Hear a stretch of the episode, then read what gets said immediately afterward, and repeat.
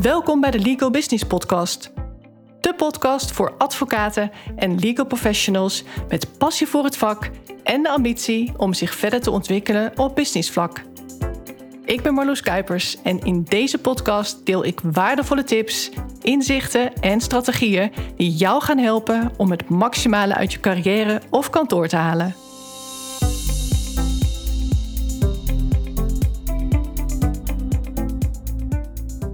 Wie mij een beetje kent, die weet dat ik behoorlijk eerlijk ben. En ook vrij direct. Tactisch direct wel te verstaan. En wat ik zeg moet ook altijd van nut zijn. Ik ben niet zozeer direct om maar mijn mening te kunnen ventileren. Dan win je ook maar weinig sympathie mee trouwens. En ongevraagd advies geven probeer ik ook zo min mogelijk te doen. Maar waarom zei ik nou behoorlijk eerlijk? De scherpe luisteraar die kan daar natuurlijk over vallen. Nou, omdat heel eerlijk ook naïef eerlijk kan zijn. Ik ga bijvoorbeeld echt geen 50 euro naar de politie brengen als ik dat op straat zou vinden. Zie ik het nou uit iemands zak vallen, dan geef ik het uiteraard terug aan die persoon. Maar het naar de politie brengen is een beetje naïef als je het mij vraagt, vooral omdat het dan toch niet bij diegene terechtkomt die het is kwijtgeraakt. Ik ga in ieder geval zelf niet naar de politie als ik ergens iets verlies waar mijn naam niet op staat, of waarvan ik weet dat iedereen het heel goed kan gebruiken. Maar goed, vandaar dus de nuance wat betreft dat eerlijk zijn. Ik ben wel altijd heel eerlijk tegen mijn klanten of potentiële klanten. Zo is me de laatste tijd meerdere keren gevraagd om medewerkers te coachen. Bepaalde advocaten zouden dan niet ondernemend genoeg zijn of ze zouden zich verder kunnen ontwikkelen in bepaalde soft skills. Maar vaak kom ik er dan ook achter dat de kantooreigenaar of de betreffende partner zelf ook nog de nodige steken laat vallen. Dan wordt er met de vinger naar de medewerkers gewezen, wat overigens best terecht kan zijn. Dat is niet zozeer het punt. Maar dat neemt niet weg dat je altijd moet beginnen bij de kapitein. Die bestuurt namelijk het schip. De kapitein is verantwoordelijk voor de veilige vaart. Dus ja, ik kan mij natuurlijk volgzaam op die advocaat-medewerkers richten, dan krijg je altijd minder rendement. Natuurlijk hangt dat van heel veel factoren af. Hoe is het kantoor of de praktijkgroep opgezet?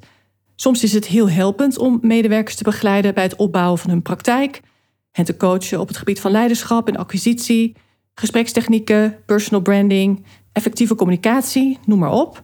Dat leidt ertoe dat ze veel beter kunnen presteren, dat de kwaliteit omhoog gaat, dat ze hogere omzetten kunnen draaien. Ze weten cliënten beter aan zich te binden en ook de interne samenwerking verbetert sterk. Dan is die component echt de zwakke schakel binnen kantoor. Maar dan staat het kantoor al wel als een huis. Nou ja, de fondering ligt er in ieder geval heel stevig in. Laten we het daarop houden. De organisatorische kant is on point. Er is een duidelijke visie. De neuzen staan voornamelijk dezelfde kant op, zeg maar. Maar vaak is het toch ook zo dat er nog iets rammelt in de aansturing van dat team. En dan moet dat allereerst opgelost worden. Daar moet eerst aan gewerkt worden. Als blijkt dat de ondernemer of de aansturende partner zelf nog stappen heeft te zetten, dan zeg ik dat ook eerlijk. Zo zei ik de afgelopen maanden een paar keer tegen iemand: Ik snap wat er bij het team moet gebeuren, daar heb je ook gelijk in, maar volgens mij moeten we bij jou beginnen. En wat er dan gebeurt, is verrassend. Dat hadden ze niet verwacht. Zo hadden ze het niet bedacht. Maar ik ga altijd voor de allerbeste oplossing, voor maximaal resultaat. En ik ga er ook van uit dat iemand bij mij komt omdat hij of zij de allerbeste oplossing wil. Als je het zelf al naar volle tevredenheid had kunnen oplossen, dan had je dat ook wel gedaan, toch? Dus het lukt je niet alleen. Maar dan betekent dat dus ook vertrouwen hebben in de expertise van de ander. Draai het maar eens om. Een cliënt komt bij jou met een zaak en die gaat tegen jou zeggen: Die in gebrekenstelling lijkt me niet zo relevant. Dagvaarden die handel. Maar ja, zo werkt het niet, hè? Vanuit jouw expertise als advocaat geef je aan hoe het proces dient te verlopen. Welke stappen nodig zijn om het gewenste eindresultaat te behalen. Zo deed ik dat als advocaat, maar zo werk ik nu ook nog steeds. Ik vind dat ook niet meer dan integer. Ook al is het business-wise veel slimmer om gewoon te doen wat mij in eerste instantie gevraagd wordt. Alhoewel, het verkoopt makkelijker, dat is meer wat ik bedoel te zeggen. Want ik geloof er wel heilig in dat juist mijn waarde zit in dat goud eerlijke advies. Ook al roept dat soms weerstand op. Want wat er gebeurt is dat sommige advocaten dan gaan uitstellen. Terwijl ze tegelijkertijd ook zo eerlijk zijn om aan te geven dat ze koudwatervrees hebben, omdat het nu ineens om henzelf draait. Dan moeten ze ineens kritisch naar zichzelf kijken. En dan komt ook de twijfel om de hoek. Kan ik wel veranderen? Ga ik wel blij worden van die inzichten. Voor de kop in het zand steken is geen ruimte meer. Die openheid die kan ik alleen maar waarderen. Maar dan zitten ze wel in die draaikolk van: ik weet dat ik dit nodig heb, maar ik ben bang voor het proces. Ik kreeg laatst van de mannelijke advocaat met een eigen kantoor terug.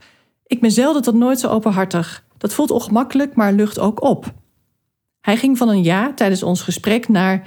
Ik denk dat we het toch beter kunnen uitstellen naar Q3 of Q4, want dan heb ik er ook een paar medewerkers bij en dat lijkt me dan veel handiger. Ik snap de gedachte ergens wel, de neiging om te wachten tot dat perfecte moment, maar dat is er nooit. Dat perfecte moment komt nooit. Er zal altijd wel wat zijn. Een van mijn mentoren is een wat ouder Amerikaan, een hele succesvolle ondernemer, die ook goed bevriend was met Bob Proctor trouwens, die helaas is overleden. Maar zijn filosofie is never add time.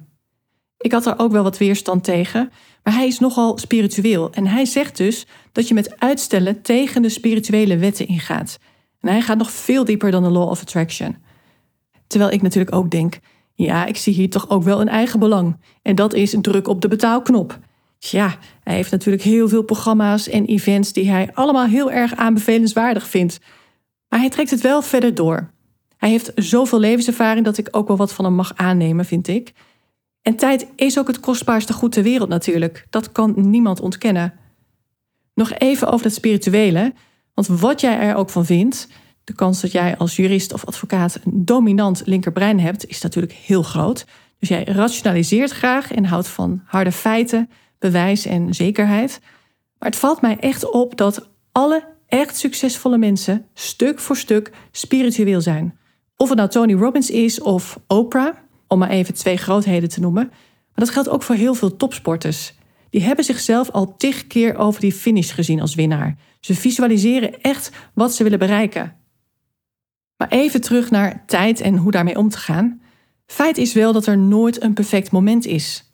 Als je nu denkt dat het over drie maanden beter is, nou voor hetzelfde geld is het dan juist veel slechter. En dan denk je, had ik dit of dat toen maar gedaan. Denk aan bepaalde keuzes die mensen hebben gemaakt in 2019 met de gedachte, dat ga ik volgend jaar wel doen. Nou, we weten allemaal hoe de wereld in 2020 op zijn kop kwam te staan. Dus als jij van plan was om een mooie reis te maken in 2019, maar je hebt het niet gedaan omdat je dacht: ja, dit is geen perfect moment. Waarschijnlijk is volgend jaar een beter moment. Nou, dan kwam je mooi bedrogen uit. Waarschijnlijk heb je die reis nu nog niet gemaakt. En sterker nog, die reis is sowieso een andere reis geworden dan het in 2019 zou zijn geweest. En waarom? Omdat de wereld is veranderd. Alles wat je nu doet zal anders zijn dan wanneer je het over een tijdje doet. De behoefte is anders. De situatie is weer net even anders. Of zelfs compleet anders. Dus het proces is anders. En ook het resultaat is net even anders. Dus je weet het niet. Dat is de conclusie die we wel kunnen trekken, hoe onbevredigend ook. Maar hoe neem je dan beslissingen? Door goed te luisteren naar je intuïtie en door naar aanleiding daarvan ook echt eerlijk te zijn naar jezelf. Je krijgt niet voor niets een bepaald gevoel. Je komt niet voor niets op een idee. Wil je een reis maken, dan is er een bepaalde behoefte. Want niet iedereen wil zomaar ineens een reis maken. Waarom wil jij nu graag die reis maken? Denk daar dan eens over na. Misschien heb je een hele drukke of zware tijd achter de rug en moet je hoognodig even ontspannen. Misschien heb je onbewust wel een hele grote beslissing te nemen, wat je alleen gaat lukken als je even helemaal weg bent uit jouw vertrouwde omgeving. Dan is nu dus het allerbeste moment om die reis te gaan maken. Of in ieder geval om die reis te gaan plannen. Jouw gevoel geeft al aan dat dit is wat je wilt, wat je nu nodig hebt. Maar dat geldt ook voor zakelijke beslissingen. Als jij nu in al jouw vezels voelt dat jij niet happy bent met de huidige situatie, dat het vreselijk zou zijn als dingen over twee jaar nog exact hetzelfde zijn. Hoezo is het dan een goed idee om verandering van die situatie uit te gaan stellen? Hoeveel plezier misgun je jezelf door in deze situatie te blijven hangen? Je voelt dat je geen volledige grip hebt op je kantoor of, of je afdeling, of jouw praktijk loopt niet lekker. Je laat zelf steken vallen of je ziet dat het team het op bepaalde vlakken laat liggen. Waarom kies je er dan voor om het nog maanden aan te kijken? Het gaat nooit vanzelf beter worden. Dat kan ik je verzekeren. Het gaat wel vanzelf slechter worden. Dat kan ik je ook garanderen. Dat is niet eerlijk, maar dat is wel de realiteit. Je gaat nou eenmaal altijd sneller bergafwaarts dan de helling op. Ik kom nog even met een andere vergelijking. Dat doe ik vaker, zoals je wellicht gemerkt hebt. Want dat maakt dat abstracte dingen lekker concreet worden en daar hou ik van. Stel, je hebt nu een schaafwond. Niks aan de hand. Geneest vanzelf. Dan heb je ook geen dokter nodig. Maar stel nou dat je een open wond hebt. Dan kun je maar beter nu naar de dokter gaan om de wond te laten ontsmetten. Waarschijnlijk moet er een hechting in en dan kan er een gaasje overheen. En ook dan komt het goed. Het duurt iets langer, de genezing moet in de gaten gehouden worden. Maar juist door actie te ondernemen wordt het genezingsproces in gang gezet en wordt het ook begeleid door de arts. Maar ga je nou niet met een open wond naar de huisarts, dan riskeer je een bacteriële infectie. Dan loopt het dus uit de hand en kan het zelfs heel slecht aflopen. Je kunt bijvoorbeeld necrotiserende fasciitis krijgen. De huid wordt dan paarsrood, je krijgt blaren en hebt heel veel pijn, plus het onderliggende weefsel sterft af. En kom je dan nog niet in actie, dan ben je weer een fase verder en dan spreidt dat afstervende weefsel zich verder uit en wordt de huid gewoon zwart. Je schijnt de huid dan zelfs te kunnen voelen kraken. Dat wil je toch kosten wat kost zien te voorkomen, neem ik aan. Mooi, dan zijn we het dus eens. Uitstellen is dus zelden of nooit de beste beslissing. En een verkeerde beslissing is nog altijd beter dan geen beslissing. Als iets toch niet helemaal uitpakt zoals je had gehoopt, dan weet je dat tenminste. Je hoeft niet te leven met dat had ik maar gevoel. Wat als ik toen wel het lef had gehad om puntje, puntje, puntje? Nou, welke actie dan ook te ondernemen? Zeker als je eigenlijk best kunt leven met the worst outcome. Stel jezelf dan de vraag: stel nou dat dit gebeurt, hoe erg is het dan echt? Zeker als je eigenlijk best prima kunt leven met the worst outcome. Stel jezelf dan de vraag: stel dat dit gebeurt, hoe erg is het dan echt? Kan ik het nog fixen? Komt er dan weer een nieuwe kans? Terwijl de best possible scenario jou misschien zoveel goed zou kunnen brengen. Stel dat het precies zo uitpakt zoals je hoopt. Hoe fantastisch zou dat dan zijn? Als je dus veel te winnen hebt bij het nemen van een risico, dan is er eigenlijk geen reden om het niet te doen. Dat is eigenlijk de regel die ik zelf hanteer. Sta je ergens nou heel neutraal in, dan is het makkelijker om iets niet te doen, want de motivatie ontbreekt dan in feite. Maar ik denk wel dat je jezelf een groot plezier doet door bewuster stil te staan bij wat je aan het doen bent, welke keuzes je maakt, waar je voor kiest.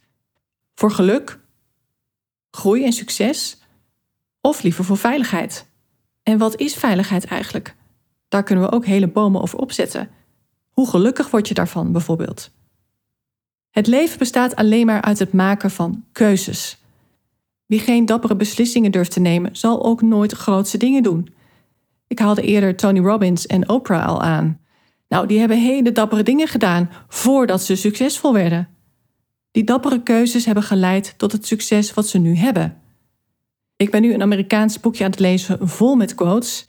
Alsof ik er nog niet genoeg gebruik, dus er staat je nog wat te wachten. Ik heb dat jaren geleden eens gekocht bij een winkeltje in New York. En het heet Words to Inspire, Quotes for Every Occasion. En dan kwam ik ook deze mooie quote tegen van Jean-Jacques Rousseau, die mooi past bij deze aflevering. Want hij zegt: The moment past is no longer. The future may never be. The present is all of which man is master. En dat vind ik hele mooie woorden om mee af te sluiten. Zijn er nou dingen waarvan je baalt en die je graag opgelost wilt zien? Of wellicht zijn er nog dromen te verwezenlijken? Then go do it. Nu. En als dat iets is waar ik je mogelijk mee kan helpen, dan is dit ook het moment om contact met mij op te nemen. Vind je ook niet?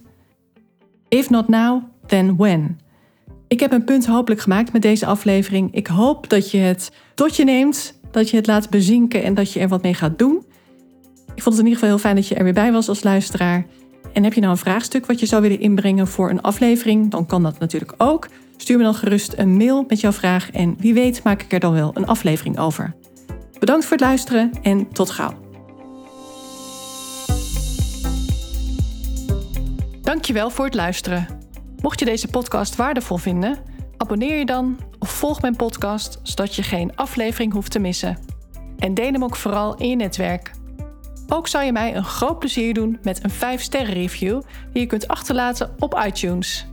Niet alleen wordt de podcast dan beter gevonden, maar je helpt ook weer andere advocaten en juristen in hun reis naar succes en geluk. Uiteraard vind ik het leuk om te horen wat je meeneemt uit deze aflevering. Stuur me een bericht op LinkedIn of mail naar info.marloeskuipers.nl. Heb jij bepaalde ambities en wil je weten hoe ik jou zou kunnen helpen bij het verwezenlijken daarvan? Vraag dan een gratis meesterschapscall aan via mijn website. Ga naar www.marloeskuipers.nl. Alle informatie vind je ook in de show notes bij deze aflevering. Ik kijk er naar uit om van je te horen. Tot de volgende keer.